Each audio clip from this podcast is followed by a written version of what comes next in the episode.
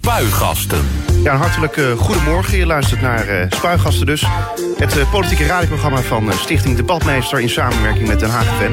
Tot 11 uur neem ik de afgelopen politieke week door. En natuurlijk ook met mijn gasten live vanuit de Centrale Bibliotheek aan het Spui hier. In Den Haag is deze vrijdag in de Ridderzaal feestelijk gevierd... dat in Nederland 100 jaar algemeen kiesrecht bestaat. Dat alle mannen en uh, mochten stemmen. Dat werd in 1917 ingevoerd. Het kiesrecht voor vrouwen kwam daar in 1919 bij. Tweede Kamervoorzitter Ariep zei dat we ons niet altijd realiseren... hoe bijzonder het is dat iedereen mag stemmen. Wat betekent nou deze viering van 100 jaar algemeen kiesrecht... voor de burgemeester van Den Haag, Pauline Krikke? En waarom is het bijzonder eigenlijk dat uh, iedereen mag stemmen? Burgemeester Krikke is dus de gast. Een hartelijk goedemorgen. Goedemorgen.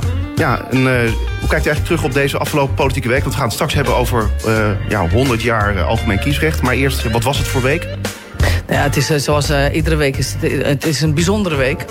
En het, ik, het valt mij altijd op dat als je uh, terugkijkt op een week... dat je realiseert hoeveel er gebeurd is. Uh, en eigenlijk um, ga je ervan uit dat het um, een, een, een, gewone week was. Want, nou, maar dat is eigenlijk toch per dag, als je het zo een beetje terugkijkt... gebeurt er toch nog ontzettend veel. en gebeurt er ook in een, in een stad als Den Haag ontzettend veel. En dat zijn kleine dingen die uh, impact hebben op iemands persoonlijke leven. Maar het zijn ook de hele grote dingen die op heel veel levens impact hebben. Dus ja, het was ook weer, deze week was weer een bijzondere week. Je moet vooral denken aan de zware explosie uh, deze week in Den Haag. Ja. Uh, in de nacht van woensdag op donderdag, meen ik. Uh, in de Haagse stationsbuurt. Bent u ook s'nachts dan meteen gaan kijken daar toen het bericht?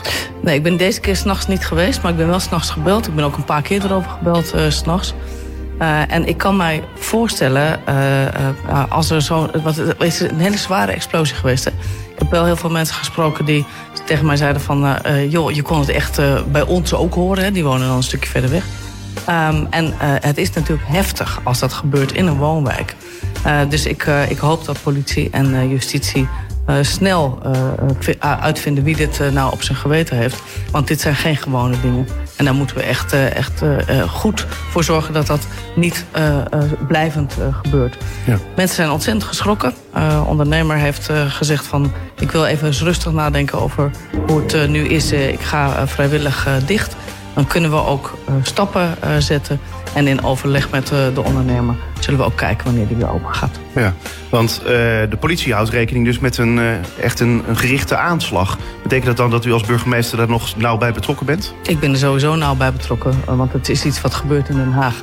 En het heeft impact. En het is iets wat zeer uitzonderlijk is gelukkig dat het gebeurt. Dus ja, ik ben er uh, echt, uh, echt nauw bij betrokken.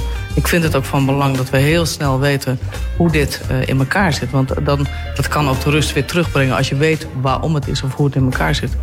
het, um, en ik ben blij dat de ondernemer zelf heeft gezegd van... nou ja, ik ga vrijwillig dicht om de rust terug te laten keren en een overleg gaan we kijken hoe het verder gaat. Ja.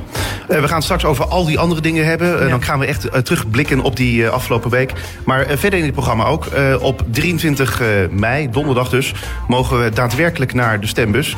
We stemmen dan voor de leden van het Europees Parlement. Maar wat willen de verschillende partijen eigenlijk? In Spuigasten gaan twee Haagse kandidaten in debat. Emily van der Vijver van D66 en Aniel Koemer van de ChristenUnie. Dat dus straks in Spuigasten. Meer eerst even een overzicht van de afgelopen week. Het politieke weekoverzicht. En dan beginnen we bij... Maandag 13 mei.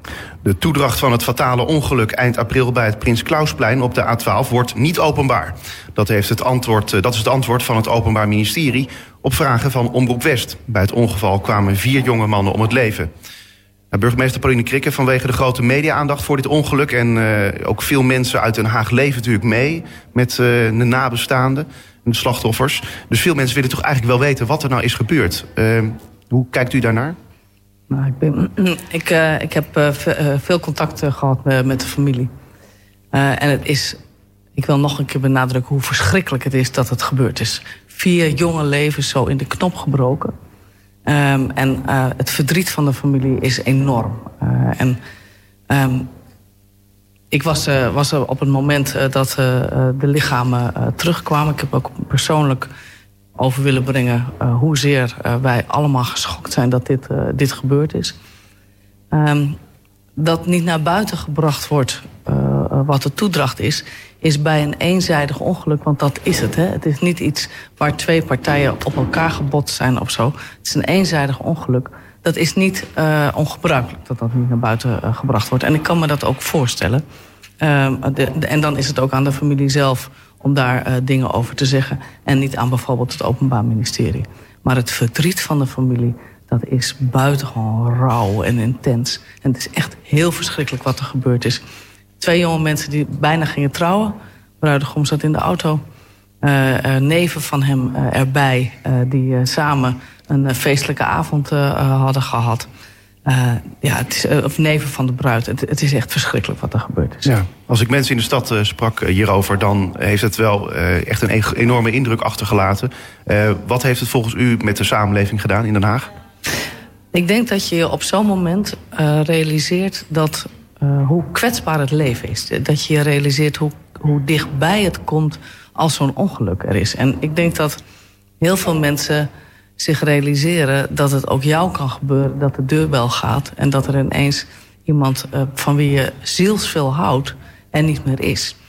Uh, dat het zulke jonge mensen zijn waar het hele leven nog voor ze lag... dat maakt ook ontzettend veel uit. Maar ik denk ook dat we ons zeer verbinden omdat we omdat het zo dichtbij komt. Ja, over het feit dat het Openbaar Ministerie dus niet bekend maakt van wat er dus daadwerkelijk heeft afgespeeld. Wilt u zelf graag weten wat is er nou gebeurd? Of heeft u zoiets van ja, het maakt niet uit, het, doet niks af aan het feit dat deze mensen hierbij zijn omgekomen? Het is verschrikkelijk wat er gebeurd is. En uh, als het dingen zijn. maar dat is dan ook meer aan de wegbeheerder, waar de weg op aangepast zou moeten worden. Dan denk ik dat het goed is om de wegbeheerder dat zeker te laten weten. Zodat die aanpassingen gedaan kunnen worden. Maar voor de rest, is, omdat het een eenzijdig ongeluk is... is het echt aan de familie uh, om dat uh, naar buiten te brengen. En ik, ik steun ze nog steeds in, echt, in hun verschrikkelijke verdriet. Dinsdag 14 mei. Een initiatief van collegepartij GroenLinks in de Haagse gemeenteraad... om het begrip tussen voor- en tegenstanders van Zwarte Piet te vergroten... heeft dinsdag tot gesteggel in de coalitie geleid. Op voorspraak van de partij wilde de raadscommissie Samenleving... een werkbespreking over de kleur van de Pieten houden. Maar op de sprekerslijst stonden alleen tegenstanders van Zwarte Piet... en coalitiegenoot Hart voor Den Haag Groep de Mos... die weigerde de vergadering daarom bij te wonen. Op het laatste moment werd de werkbespreking daardoor afgeblazen. Uh, burgemeester, jammer dat deze werkbespreking niet door is gegaan? Maar die werkbespreking had de gemeenteraad uh, bedacht... om echt voor- en tegenstanders van uh, Zwarte Piet... om die uh, nou eens het woord te geven... zodat, zodat we met z'n allen alle argumenten konden wegen. En ik kan mij voorstellen dat als er uh, één, één geluid is... en niet veel, veel verschillende andere geluiden... dat je dan zegt, ja, dan heeft die werkbespreking niet zo ontzettend veel zin. Ik denk dat het um, um, goed is dat we dit doen op een moment... dat we niet al de pakjesboot zien aankomen in de haven van, van Scheveningen... Uh, en ik kan me ook voorstellen dat, dat, het, dat het een gebalanceerd uh, debat uh, moet zijn. Ik denk bij dit soort dingen wel ook... Um, het is een kinderfeest. En laten we nou ook zorgen dat we rond dat kinderfeest... de magie van Sinterklaas wel gewoon in stand houden. Want als ik, ik ben nu, nu een paar keer mocht ik al komen op Scheveningen als Sinterklaas binnenkomt. En dat is echt geweldig. Dan zie je al die kindersnoetjes. En die kinderen staan er eigenlijk veel te lang. Hè. Dat is traditioneel met Sinterklaas. Ze gaan altijd te vroeg. Dus ze, zijn, ze, ze, staan er te lang. Het duurt te lang. En dan zie je die snoetjes echt helemaal openbreken. Zo zonnig. Uh, want daar komt Sinterklaas. En dat is echt geweldig om uh, daar zo dichtbij te mogen staan. En om dat mee te maken. Dus de, het kinderfeest wat het is en de magie uh, van Sinterklaas... daarvan denk ik dat het heel belangrijk is... dat we dat, we dat in, in Den Haag goed vasthouden. Ja, alleen wat natuurlijk elke keer weer terugkomt... is natuurlijk die kleur van de Zwarte Piet. en de afgelopen keer waren heel wat mensen die zeiden van... ja er lopen heel veel zwarte pieten mee en eigenlijk heel weinig roetveegpieten. Terwijl, nou ja, dat was wel uh, het idee dat er meer roetveegpieten zouden zijn. Maar goed, het was niet genoeg, zeiden wat mensen. Uh, betekent dat nou dat komend jaar dat er meer roetveegpieten bijkomen?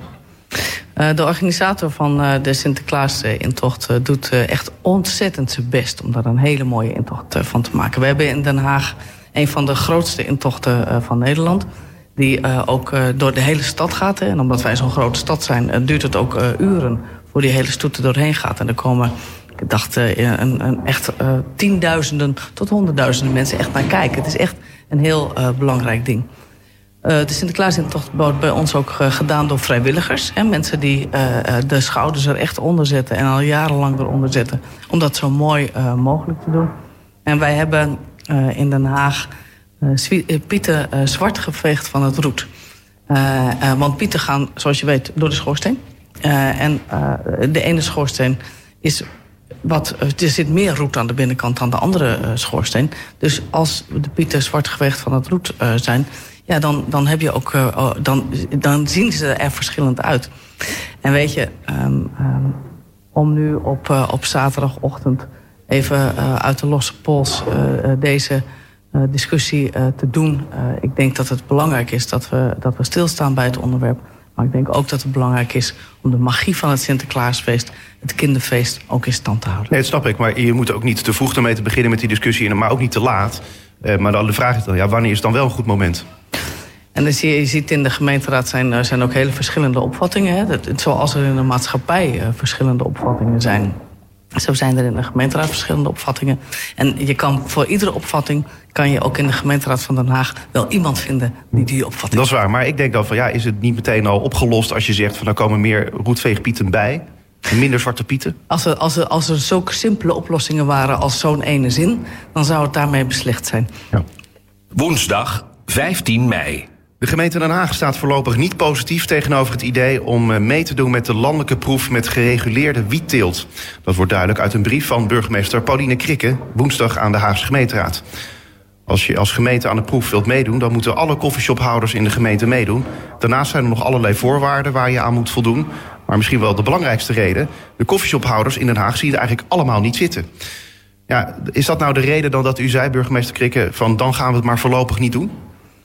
Die proef is uh, in het leven geroepen om te kijken of je de voor- en de achterdeur zou kunnen regelen. Om dat nog maar even uh, neer te zetten. Want uh, hoe zit dat in Nederland? de verkoop van wiet is legaal in coffeeshops onder strikte voorwaarden.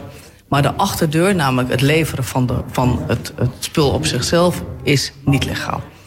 En er zijn al jarenlang discussies gaande hoe we dat nou zouden kunnen regelen. Er is een proef bedacht maar die proef die is eigenlijk is die niet uitvoerbaar. Want daar moeten alle coffeeshops binnen één stad... Uh, en in Den Haag zijn dat er tientallen... moeten meedoen aan die proef. En die moeten ook een aantal jaren meedoen aan die proef... en dan tegelijkertijd hun leveranciers, hun illegale leveranciers... moeten ze afscheid van nemen. Als je dat een aantal jaren doet, kan je niet... Nou, en die proef gaat, vervolgens levert dat niet het gewenste resultaat op... dan kan je niet zeggen, nou ja, weet je, we doen het nu toch maar uh, ineens uh, weer anders. In Den Haag hebben de coffeeshophouders gezegd... wij willen niet meedoen aan die proef. Nou, als je het dan allemaal afweegt... we moesten voor 11 juni uit mijn hoofd moeten we zeggen... of we meedoen als stad... Uh, heb ik voorgesteld aan de gemeenteraad uh, samen met het college... om uh, niet deel te nemen aan die proef. Omdat dat bij ons gewoon tamelijk ingewikkeld ligt. En inderdaad koffieshophouders ook gewoon geen voorstander daarvan ja, zijn. Maar we doen voorlopig niet mee. Maar waarom niet gewoon een keiharde nee? Omdat het ook nog zo kan zijn dat de voorwaarden voor de proef aangepast worden. Kijk, bijvoorbeeld Alfa aan de Rijn doet mee... Die hebben één koffieshop en daar kan je gewoon afspraken mee maken. En dat is, dat is tamelijk overzichtelijk. Maar één koffieshop is iets anders dan de tientallen uh, die we hebben uh, in Den Haag. En wat ik mij zou kunnen voorstellen is dat uh, de minister op het moment dat er zich geen andere mensen aanmelden voor die proef, dat hij zegt van nou ja weet je, misschien zijn de voorwaarden ook niet helemaal goed. en misschien moet ik daar nog iets aan doen. Dus ik kan mij voorstellen dat als die voor, voorwaarden veranderen, dat we misschien dan toch heroverwegen. Dan gaan we naar de volgende dag. Donderdag 16 mei. Koning Willem-Alexander heeft eh, donderdagavond als verrassing een iftarmaaltijd bezocht voor bewoners van de Haagse wijk Transvaal in buurthuis Mandelaplein. Dat deed hij na zonsondergang, waarin moslims tijdens de Ramadan het vaste mogen breken. U kon er zelf niet bij zijn, eh, burgemeester Krikke, want u zat zelf de raadsvergadering voor. U bent dus niet uh, eigenlijk getuige geweest van een historisch moment. Nee, maar ik heb, ik heb het natuurlijk allemaal meegekregen, zoals wij het allemaal meegekregen hebben. Ik vind het heel erg goed dat de koning dit soort dingen doet. En ik vind het heel erg goed uh, dat de koning uh, bij verrassing uh, naar het Mandela-huisje is gegaan om daar de iftarmaaltijd te doen. En ook met, met de mensen te praten. En ik doe zelf ook verschillende iftarmaaltijden. Ik heb er eentje gedaan nu. Ik doe de, in de maand Ramadan doe ik er een stuk of drie, vier. om ook in, in verbinding te zijn. En wat, waar ik steeds meer achter kom, is um, in eerste instantie denk je bij de Ramadan, als je niet uh, opgevoed bent met de Ramadan, denk je uh, dat het met name is het niet eten en drinken uh, tussen zonsopgang en zonsondergang. Maar hoe meer ik ja, dichterbij kom, zie ik dat het ook een hele spirituele maand is. Um, een maand Ramadan is ook een nieuw begin voor mensen. Of het achter je laten wat het oude is en doorgaan naar het nieuwe. En de maand Ramadan is ook um, heel veel uh, verbinding met je familie en met je vrienden. Want je breekt het vasten na zonsondergangen. Dat zijn maaltijden die je samen doet. Saamhorigheid is heel erg groot. In de maand Ramadan wordt ook ontzettend veel geld opgehaald voor goede doelen. Dus het is behalve het vasten is het ook een hele spirituele beleving. En ik vind het mooi dat de Hagenaars die de, de Ramadan in acht nemen... dat die dat ook met ons allemaal willen delen... en dat je daar onderdeel van mag zijn. Maar waarom is het nou zo belangrijk dat de koning hier aan meedoet... en dat een burgemeester van Den Haag, dat die daar dan ook bijvoorbeeld bij is? Omdat het ook laat zien dat wij in verbinding willen zijn... met mensen met alle soorten van achtergronden. En dat het niet uitmaakt of je moslim bent, of je christen bent, of dat je ongelovig bent. Maar dat dat jouw persoonlijke keuzes zijn. En dat dat mij als burgemeester uh, niet uitmaakt waar, waar, ik de, waar, ik, waar mijn um, intentie zit, want daar, dat, zo moet je het zeggen, is in verbinding gaan met alle Hagenaars die er zijn. En door uh, aan te sluiten bij een iftarmaaltijd kan je dat daar doen. Maar ook door in gesprek te gaan met mensen van christelijke kerken bijvoorbeeld, kan je dat doen. Kan ook andere spiritualiteiten daarbij betrekken. Maar ook mensen die gewoon apert atheïstisch zijn.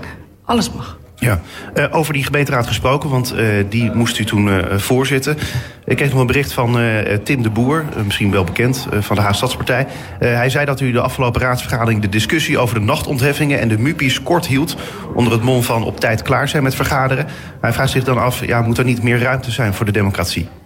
Nou, uh, ik, ik weet niet wat de definitie uh, van uh, de Haagse Stadspartij is van kort. Maar de gemeenteraadsvergadering heeft van vijf uur s avonds tot kwart over één s'nachts geduurd.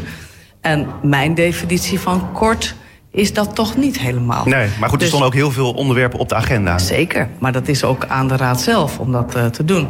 En laten we wel wezen, ik heb de spreektijden daarop niet bekort. Hè? Uh, ik heb alle gelegenheid gegeven aan iedereen. Want hoe is dat geregeld bij ons? Misschien even de techniek. Iedere fractie heeft uh, een aantal minuten spreektijd. En die mag je opbranden aan wat je wil. Dus het is niet zo dat ik zeg van nou daarover mag je niet praten en daarover mag je niet praten. Misschien zou het een goed idee zijn, maar dat is niet zoals het, het gaat. ik zit de vergadering voor, ik geef mensen het woord. Natuurlijk zeg ik wel eens van god, volgens mij vallen we uh, in herhaling. Maar dat is bij dit onderwerp absoluut niet het geval geweest. Daar was alle ruimte van de wereld voor. Ja. Om dat uh, nog een keer te doen. Even als overigens voor de andere onderwerpen. Want tussen vijf en kwart over één heb je echt zeeën van tijd. Ja, maar er wordt dus anders over gedacht door bijvoorbeeld Tim de Boer. Maar dan, dan moet Tim ook misschien met argumenten komen. Want uh, de argumenten die hij geeft kloppen niet. Oké, okay, nou dan moeten jullie misschien nog even een keer met elkaar in, uh, in gesprek. Laten we dat dan doen. Dat is de democratie volgens mij ook. Dan gaan we naar uh, de volgende dag. Vrijdag 17 mei. Juist. Het uh, internationale vuurwerkfestival Scheveningen wordt dit jaar later gehouden dan voorgaande edities of afgelast. Dat meldt de organisatie. Het evenement moet anders omdat het afgelopen zomer erg druk was op Scheveningen en de veiligheid van de bezoekers in gevaar kwam. De gemeente en het festival zijn nog in overleg. Ja, het festival gaat nu eigenlijk aan zijn eigen succes ten onder, heb ik het idee. Het vuurwerkfestival is onvoorstelbaar populair. Um, en dat kan ik me ook voorstellen, want een mooi vuurwerk boven zee is echt werkelijk prachtig en spectaculair. Um, doordat er zoveel mensen komen, moeten we daar wel even naar kijken. want bijvoorbeeld de aan- en afvoer, met name de afvoer van mensen. Want mensen komen wel in plukjes binnen, maar ja, als het afgelopen is, willen ze in één keer allemaal weg. Ja, dat, dat, dat, dat kan gevaarlijke situaties opleveren. Dus daar wordt over nagedacht. Uh, daar wordt ook over nagedacht met de organisator. We zijn uh, goed in gesprek, het college is goed in gesprek uh, met de organisator om daar oplossingen voor te vinden. en dat, dat kan verschillend zijn. En laat mij nog eens een keer onderstrepen. wij vinden het heel erg belangrijk dat er goede evenementen in de stad zijn. en dat er, dat er dingen zijn waar mensen echt ontzettend veel plezier aan beleven. En dat mensen daar naartoe kunnen. maar het moet ook wel veilig kunnen. En als je ziet de boulevard uh, wordt uh, op dit moment uh, verbouwd. Hè. Dat, dat duurt ook nog even. Dus dat houdt in dat, dat hele delen van de boulevard... daar kunnen geen mensen op staan. Dat houdt in dat je het een soort van... ja, als je, je wel een wat overdreven flessenhals... Ja, het wordt een beetje getrechterd. Ja. Um, en ja, daar, daar moet je allemaal wel rekening mee houden.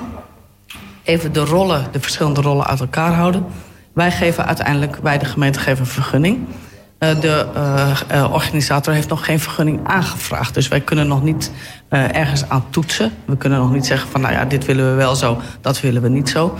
Maar ons uitgangspunt is dat wij het belangrijk vinden dat er goede, mooie evenementen in de stad zijn. En daar hoort het Vuurwerkfestival zeker bij. Ja. Dus ik hoop dat we tot een goede oplossing komen die veilig is voor de bezoekers uh, maar die ook maakt dat we een mooi vuurwerkfestival maar ze, hebben. Ja, zelf eh, stellen ze drie scenario's voor. Uh, festival eind augustus of in september. Of helemaal niet. En daarom is het van belang uh, dat, ze, dat, dat de organisator een aanvraag doet. Want dan kunnen we daarover in gesprek. maar u heeft niet zelf een voorkeur? Nou, ik, zoals gezegd, ik vind het belangrijk dat er uh, mooie en goede evenementen uh, zijn. Dus de laatste optie uh, is de, wat mij betreft dan niet waar, waar, ik het eerst aan denk. Waar ik aan denk is het, is het oplossen en zorgen dat we zowel voor de bezoekers een veilige situatie kunnen hebben... als een hele mooie vuurwerkshow waar mensen ontzettend van kunnen genieten. Zaterdag 18 mei. Ja, vandaag wordt er een stille tocht gehouden voor de vrouw die op 4 mei werd vermoord in de Scheveningse bosjes. Een aantal hondenuitlaters wilde 56-jarige Etsuko zaterdagmiddag herdenken in het bos waar ze werd omgebracht. Loopt u zelf als burgemeester ook mee met deze uh, stille tocht? Ja, ik ga vanmiddag uh, meelopen met de stille tocht. Um, ik ben ook bij de familie van, uh, van mevrouw geweest. Um, en dat, daar zie je ook weer dat, dat ontzettende intense verdriet. En ik kan me het ook zo goed voorstellen. Ik sprak met, met de echtgenoot. En je gaat ervan uit dat als iemand een hond gaat uitlaten... dat die dan gewoon daarna weer terugkomt. En als dat ineens niet zo blijkt te zijn... is dat echt, echt verschrikkelijk. Ik kan me er, je weet, wij hebben een hond... Uh, onze Hardy. Uh, ik kan me er ook zo ontzettend veel bij voorstellen. Ik loop uh, zelf ook in het Haagse bos. ik loop in de Scheveningse bosjes. Ik loop op heel veel verschillende plekken. en ja, het, het, is, het is iets wat hondenbezitters... En ik ben er natuurlijk in de afgelopen week veel tegengekomen... en we hebben er veel over gesproken. Het, het raakt mensen nogal, ook omdat het zo dichtbij komt. Want als er iets simpels als je hond uitlaten... wat een, een hele uh, uh, dat heel fijn is om te doen. En uh, je bent gezellig buiten en je komt andere hondenbezitters tegen. En je maakt een praatje. Dat dat ineens je dood kan betekenen. Dat is echt, echt verschrikkelijk. Ja. wat gaat u dan doen tijdens de stille tocht? Meelopen, maar verder nog spreken met mensen? Ik, zal zeker spreken met mensen. Uh, een stille tocht, de, die doe je uh, in stilte. en misschien is er gelegenheid dat ik nog wat zeg. Maar dat, dat wachten we even af, moet ik, moet ik eerlijk zeggen. Ik ben daar met name om um, te laten zien... dat hoe verschrikkelijk het is wat er, wat er gebeurd is. ook om middels die stille tocht ook nog een keer tegen de familie te zeggen... dat we, dat we nabij zijn. Maar ook om om de verschillende mensen die daar meelopen een, een plek te geven om hun, uh, om hun verdriet uh, te, te tonen en er met elkaar over te spreken. En ik kan me daar uh, als, als medehondenbezitter zeer toe verhouden, want het is verschrikkelijk dat iemand gewoon tijdens het uitlaten van de hond niet meer terugkomt. Nee. Tot zover het weekoverzicht. Zoals gezegd, er is hartstikke veel gebeurd deze week. Daarom zijn we ook iets uitgelopen. meer nieuws vind je op onze website denhagfm.nl. Spuigasten op Den Haag FM. Ja, in deze week is uh, in Den Haag is deze vrijdag in de Ridderzaal feestelijk gevierd dat Nederland 100 jaar algemeen kiesrecht bestaat. dat alle mannen mochten stemmen. En dat uh, werd in 1917 ingevoerd. Het kiesrecht voor vrouwen kwam daar in 1919 bij. Tweede Kamervoorzitter Ariep zei dat we ons niet altijd realiseren... hoe bijzonder het is dat iedereen mag stemmen. Wat betekent nou deze viering van 100 jaar algemeen kiesrecht... voor de burgemeester van Den Haag, Pauline Krikke... En waarom is het eigenlijk bijzonder dat uh, iedereen mag stemmen? Burgemeester Krikke is dus de gast, je hoorde hier. Uh, ja, hoe belangrijk is, deze viering volgens u? Het is hartstikke belangrijk dat we algemeen kiesrecht hebben. En dat mannen en vrouwen in Nederland gewoon in gelijke mate kunnen stemmen. Uh, en dat het niet afhankelijk is van hoe je geboren bent of je mag, mag stemmen. Alette Jacobs is een grote voorvechter geweest van het vrouwenkiesrecht. En terecht werd zij gisteren ook in de zon gezet.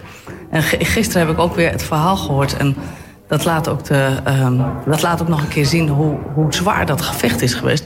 We hadden in die tijd hadden we kiesrecht in Nederland voor mannen die ook nog een bepaald inkomen hadden. In de wet was geregeld dat het mensen waren met een bepaald inkomen. En Alette Jacobs was arts. En die zei, ik heb dit inkomen, dus mag ik nu kiezen. Toen is de wet veranderd. En is er opgeschreven dat alleen mannen met een bepaald inkomen mochten kiezen. Um, daar is ontzettend veel actie uit voortgekomen. En Alette Jacobs heeft echt uh, gestreden, gestreden, gestreden. Samen met andere vrouwen. Uh, en uiteindelijk is de wet aangepast. En uh, op 9 mei 1919 is het algemeen kiesrecht voor iedereen in Nederland boven de 18 is, of het zal toen 21 zijn geweest, is, uh, is ingevoerd. Nou, dat is heel erg bijzonder en dat is echt iets om te vieren. Want een democratie bestaat bij de gratie dat iedereen daar uh, invloed op heeft. Ja. En dat je, wat je ook gaat stemmen, dat je gebruik maakt van dat stemrecht. En dat, dat je daardoor invloed hebt op de wereld om je heen. Ja, en niemand denkt, dat is, ja, niemand is een groot woord, maar ja, u wel. Maar ja, normaal gesproken als je mensen op straat gaat, uh, gaat vragen of ze daarbij stilstaan... dan waarschijnlijk niemand die, die, die, die daar eigenlijk echt bij stilstaat. Uh, en het, het, het, het, is bijzonder, hè, want in, uh, je hoeft helemaal niet zo lang in het vliegtuig te zitten... om er worden hier ook allemaal gezangen aangeheven zo om ons heen. Ik ja, weet ik of de luisteraars het ook allemaal ja, meekrijgen. Live in de centrale bibliotheek, ja. Um, je hoeft helemaal niet zo lang in het vliegtuig te zitten of in de bus. Uh, uh, als je al in landen komt waar kiesrecht helemaal niet zo vanzelfsprekend is. Ik ben in de tijd dat ik in de Eerste Kamer zat verkiezingswaarnemer geweest.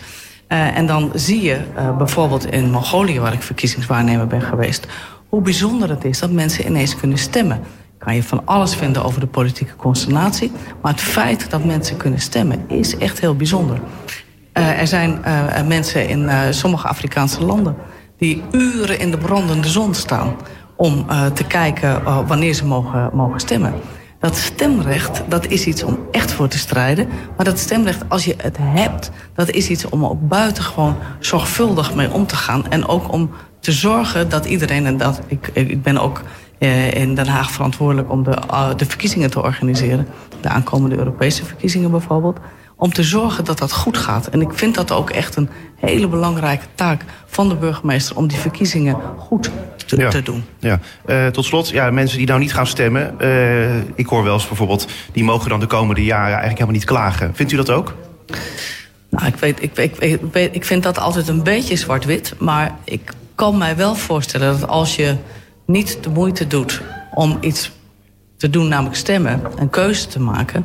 Wat helemaal niet veel moeite kost eigenlijk. Nee, het kost helemaal niet zo ontzettend veel moeite. Dat dat je wel uh, legitimeert om uiteindelijk ook uh, allerlei opvattingen te hebben. Ik zeg niet dat als je niet stemt, dat je dan ook geen mening meer mag hebben. Want dat, dat gaat mij ook wel een beetje te ver.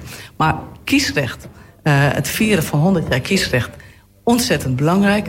Ons realiseren dat het mooi is dat uh, nu mannen en vrouwen en wat je opleiding ook is, wat je afkomst is, wat je inkomen is, dat iedereen mag stemmen, dat vind ik echt een feestje waard. Ja, nou zometeen gaan we het over de feest van de democratie uh, hebben. Uh, met Aniel Koemer van de ChristenUnie en Emily van de Vijver van D66. burgemeester Pauline Krikke, ik wens u veel succes, ook met de komende week. We hebben de afgelopen politieke week besproken en nou, waarschijnlijk komen we wel vaker te spreken over 100 jaar kiesrecht. Dank u wel. Ik kijk daarnaar uit, dank je wel. Spuigasten. Op donderdag 23 eh, mei dan mogen we naar de stembus. We stemmen dan voor de leden van het Europees Parlement. Maar wat willen die verschillende partijen eigenlijk? In Spuigasten gaan twee Haagse kandidaten in debat. Emily van der Vijver van D66, goedemorgen. Goedemorgen. En Aniel Koemer van de ChristenUnie, ook goedemorgen. Goedemorgen. Ja, twee Haagse kandidaten. Emily, jij wil het uh, Europese parlement in. Want je juist in Europa het verschil kunt maken voor de toekomst van ons allemaal. Uh, je pleit voor een vrije en leefbare wereld. Maar hoe wil je dat dan gaan doen? Ja, dit is natuurlijk een combinatie van groot idealisme, die vrije en leefbare wereld, en hele kleine stapjes om daar uh, te komen. En waar Europa over gaat, zijn de hele grote onderwerpen, waar ook weer op kleine, in kleine stapjes uh, het verschil gemaakt moet worden. En als je gewoon naar Den Haag kijkt, ja, hoe schoon zijn onze stranden, hoeveel uh, plastic spoelt hier aan, hoe schoon is de lucht, maar ook thema's als ondermijning en belastingheffing. Dat zijn allemaal thema's die ook op die Europese agenda komen en waar we in samenwerking echt dat kunnen bereiken. Ja, maar je zou kunnen zeggen dat dat zijn ook allemaal thema's waar Nederland zelf iets mee kan doen in de landelijke politiek. Daar heb je Europa niet per zetel voor nodig. Ja en nee. De landelijke politiek doet er ook aan mee. Maar uh, je hebt Europa zeker nodig, omdat criminelen stoppen ook niet bij de grens en zeggen: Oké, okay, ik lever mijn zwarte geld hierin. Uh, hetzelfde geldt voor vervuiling. Dat houdt zich ook niet aan lands- of stadsgrenzen. Dus ja, je bent echt alleen maar sterker samen op dit soort onderwerpen. Ja. Uh, Aniel, uh, jij uh, kunt eigenlijk niet tegen een veiligere en leefbare wereld zijn, toch? Nee, dat kan toch ook niet? Nee, nee wel. Ja. Nee, wacht, er zijn wel mensen die daar tegen zijn, denk ik. Soms als ik naar de partijprogramma's kijk of de partijen zonder. Um, nee, daar ben ik absoluut niet tegen. Kijk, we hebben uh, in ons verkiezingsprogramma een hele nadrukkelijke um, focus gelegd op, op veiligheid, op een, uh, op een rechtvaardige wereld. En die rechtvaardigheid die uitzicht op allerlei manieren. Je kan denken aan een schone wereld, hè. Aan, een, aan een leefbare wereld, maar ook aan een wereld zonder criminaliteit. Nou, het gaat dit keer over Europa en uh, Emily heeft daar natuurlijk totaal een punt als ze zegt dat de CO2-moleculen niet bij de landsgrenzen stoppen. Criminelen niet bij de landsgrenzen stoppen. En daarom pleiten wij ook voor uh, een, een, steeds hardere aanpak van de, uh, van de drugsexport, maar ook van mensenhandel, gedwongen prostitutie dat niet bij de grenzen stopt. Dat zijn allemaal onderwerpen waarbinnen Europa veel beter op gecoördineerd kan worden. Ja, Aniel, jij, jij, ik ik zag even van waarmee jij de, de verkiezingsstrijd uh, aangaat. Jij wil een veilig, vreedzaam en rechtvaardig Europa. Is dan Europa nu onveilig, uh, vol geweld en onrechtvaardig? Nou, we zijn er nog niet. We zijn er nog zeker niet. Nee, ik, uh, ik noemde net al bijvoorbeeld de aanpak van drugsexport. we zijn als Nederland daar helaas in dat lijstje vrij hoog ergens bovenaan. maar ik denk ook aan een aantal onderwerpen waar we het in Europa iets minder over hebben. Uh, zelfs in Nederland ook niet al te vaak over hebben. Maar het zijn issues binnen veiligheid die, de, die niet aan de landsgrenzen stoppen. Ik denk aan achterlating van meisjes. De zomervakantie komt er straks weer aan. En helaas zullen ook in Den Haag straks uh, in enkele klassen een aantal lege stoelen overblijven. Omdat jonge meisjes uh, door hun familie mee worden genomen naar landen ver over, zelfs soms over de Europese grenzen heen. En daar tegen hun zin in gedwongen uitgehuwelijkt worden, omdat ze misschien te verwesterd zijn. Maar ik denk ook aan mensenhandel. En dat is echt een probleem binnen de EU. Um, of dat nou vanuit uh, Polen, Bulgarije of Roemenië gebeurt, uh, zelfs vanuit Litouwen en andere Baltische staten, zien we gewoon dat vrouwen nog steeds onder uh, ja, valse voorwenselen naar Nederland worden gelokt. Uh, om daar hun, ja, hun lichaam op deze manier te laten uitbuiten. Ja, Emily, als ik denk aan nou ja, eigenlijk mensenhandel, waar het ook over gaat. Uh, dat zijn het ook thema's waar je in Europa weliswaar wat aan zou kunnen doen. Uh, ik hoor tot nu toe niet heel veel verschillen tussen D60 en de ChristenUnie. Nee, nee ik, ik denk op, op deze thema's dat we elkaar echt wel kunnen vinden. Um, en dat ook de uh, samenwerking in het Brusselse tussen Nederlandse parlementariërs echt belangrijk is. Want ze zien dezelfde dingen in onze stad. Wat ik ook belangrijk vind, en daarom ben ik heel blij dat we hier vandaag mogen zijn... is dat nadrukkelijk lokale kandidaten naar Europa gaan. Want zeker 72% van de Europeanen woont in de stad. En Neil en ik zijn jarenlang actief geweest hier in de Haagse politiek. Um, wij, wij, kennen de problemen hier in de stad en weten ook waar de bevoegdheden tekortschieten of waar Europese regelgeving niet adequaat is in het lokaal bestuur. En dat moeten we ook terug, terugbrengen naar Brussel. Dus ja. dat, ik, ik denk dat er daar een gemeenschappelijke inspanning is. En waar Aniel het heel erg heeft over de meisjes die niet terugkeren. Ik denk dat we ook een grote verantwoordelijkheid hebben voor uh, de mensen die hier in uh, Den Haag en in het Westland komen werken en waar wij slecht voor zorgen. Uh, dat is ook echt uitbuiting. Daar zijn Europese regels voor en die moeten wij hier ook handhaven. De sociale wetgeving vanuit het Europese kan veel sterker. Wij zijn heel erg gericht geweest op de economie. En de handel heeft ons enorme welvaart gebracht. Maar dat sociale gezicht van Europa, en ik denk dat we elkaar daar in grote lijnen ook gewoon in gaan vinden.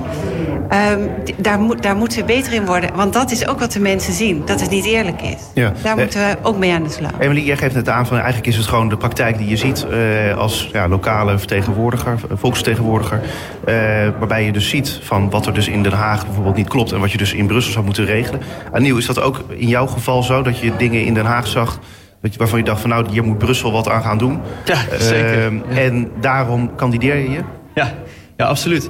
Kijk, um, als je hier in de stad een beetje uh, met wat ondernemers gaat praten... die, uh, die voor, ons, hè, uh, van, voor ons als bewoners, als inwoners van, van, van deze stad... van ons land heel erg van belangrijk zijn... om straks bijvoorbeeld die klimaattransitie te gaan maken... die energietransitie te gaan maken.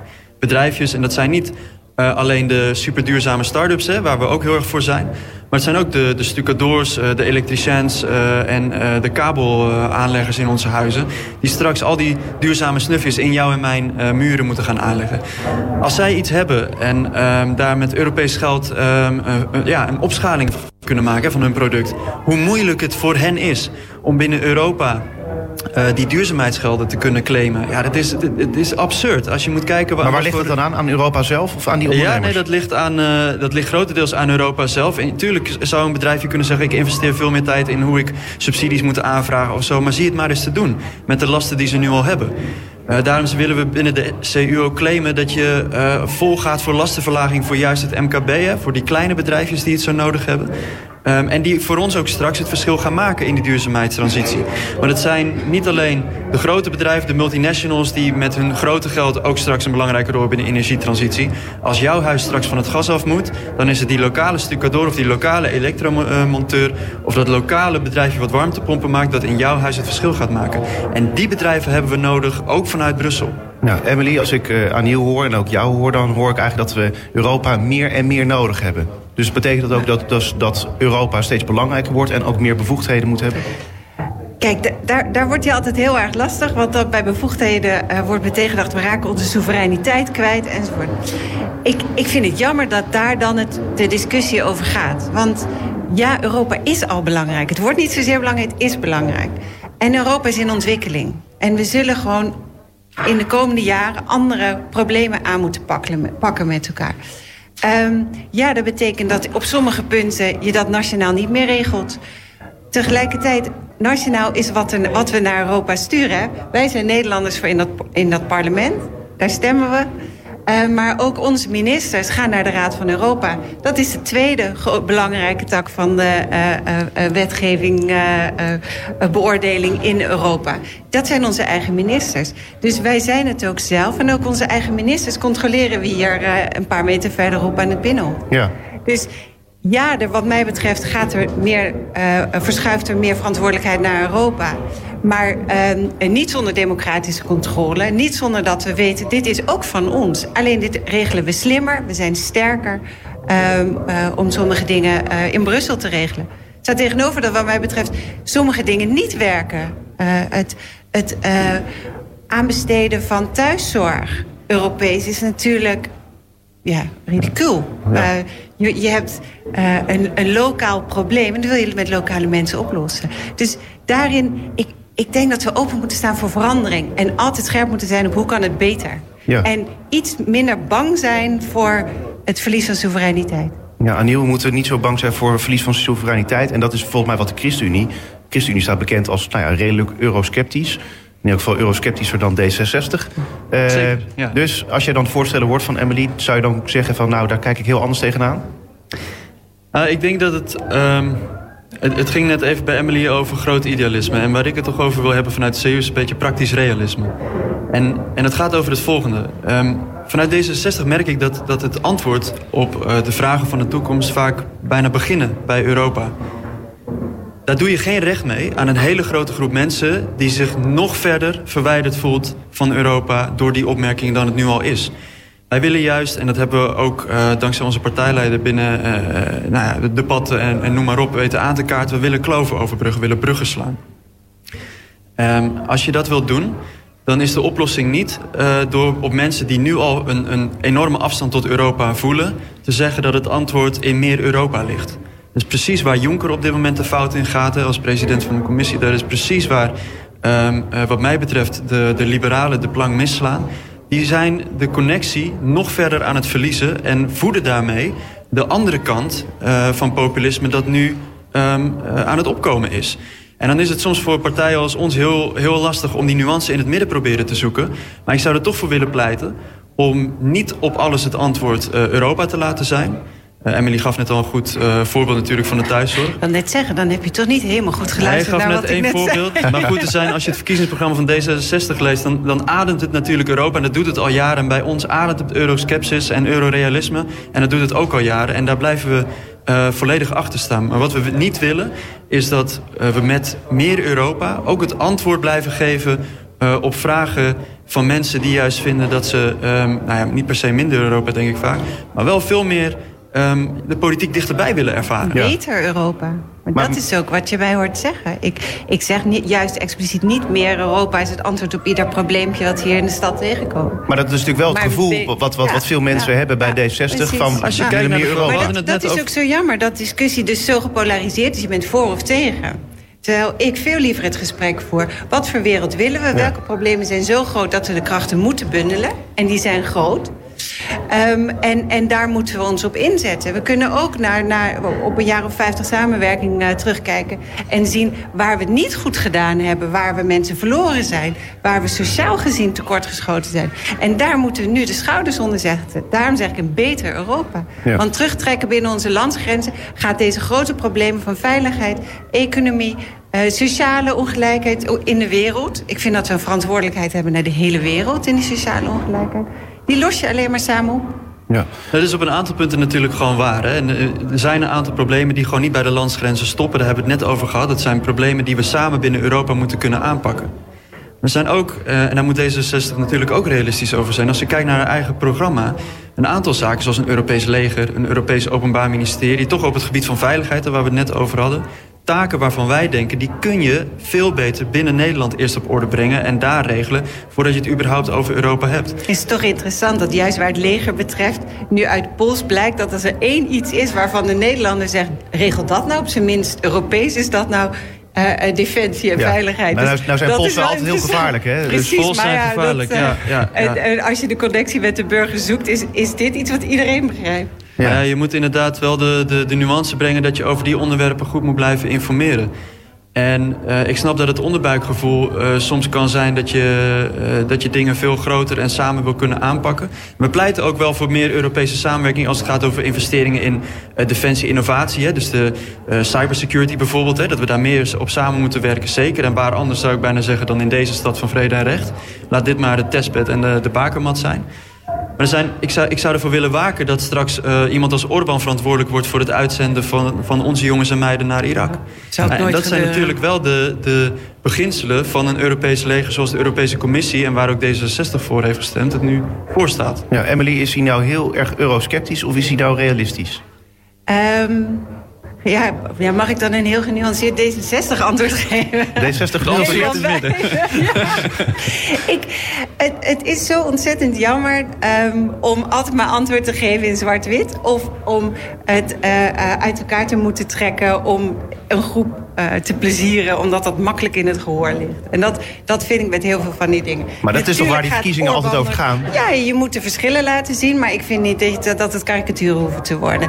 Ja, D66 is absoluut voor verregaande samenwerking... is altijd een pro-Europese partij geweest. Maar daarmee huppelen we niet de weide in met meneer Viktor Orbán... om samen uh, onze jongens uit te zenden. Nee, maar, dat is de, maar dat is de zorg die er dan leeft bij eurosceptische ja. partijen... bijvoorbeeld ja. zoals de ChristenUnie. Precies, ja, dat snap ik ook al. Mijn zorg is uh, dat we ons terugtrekken binnen onze landsgrenzen. Dat we de grote problemen niet adequaat op weten te lossen... vanuit angst voor wat die samenwerking brengt. Ja, dus we moeten uitleggen waarom het belangrijk is dat mensen naar de stembus gaan. Ga in ieder geval stemmen. Precies, sowieso, dat, dat, is één sowieso. ding. Uh, maar die verkiezingen die leven nog niet heel erg, heb ik het idee. Nog minder nee. dan de Provinciale Daar, daarom zitten we hier. Ja, ja wij, doen ons, wij doen ons best. jongens. Ja, jullie, jullie doen jullie best, uh, maar die, die opkomst is al jaren laag.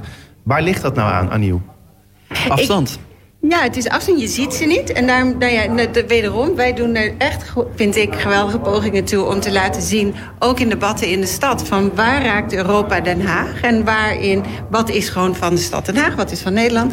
En ehm, als je het gesprek met mensen aangaat, dan snappen ze dat heel goed. Eh, bij mij, ik woon op het eh, inmiddels beruchte hoekje Noorderbeek, Dwarsstraat, Wijmarstraat. En daar hebben we echt te maken met grote problemen die lokaal heel zwaar drukken. En een aantal van die problemen, daar hebben we Europa voor nodig. Ja, maar gaat Europa het oplossen? Dat is natuurlijk de grote ik, vraag. Dat ik willen ga de me daar bewoners. enorm mijn best voor doen. Ja.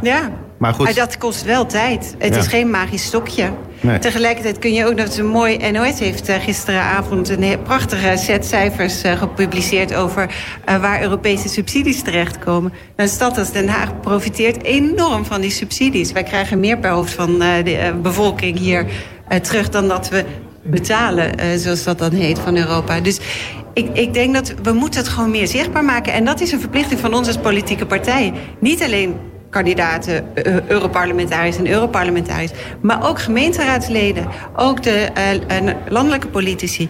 We moeten dat echt actiever laten zien. En ook als het faalt. Ja. Het gaat niet alleen maar om eh, propaganda.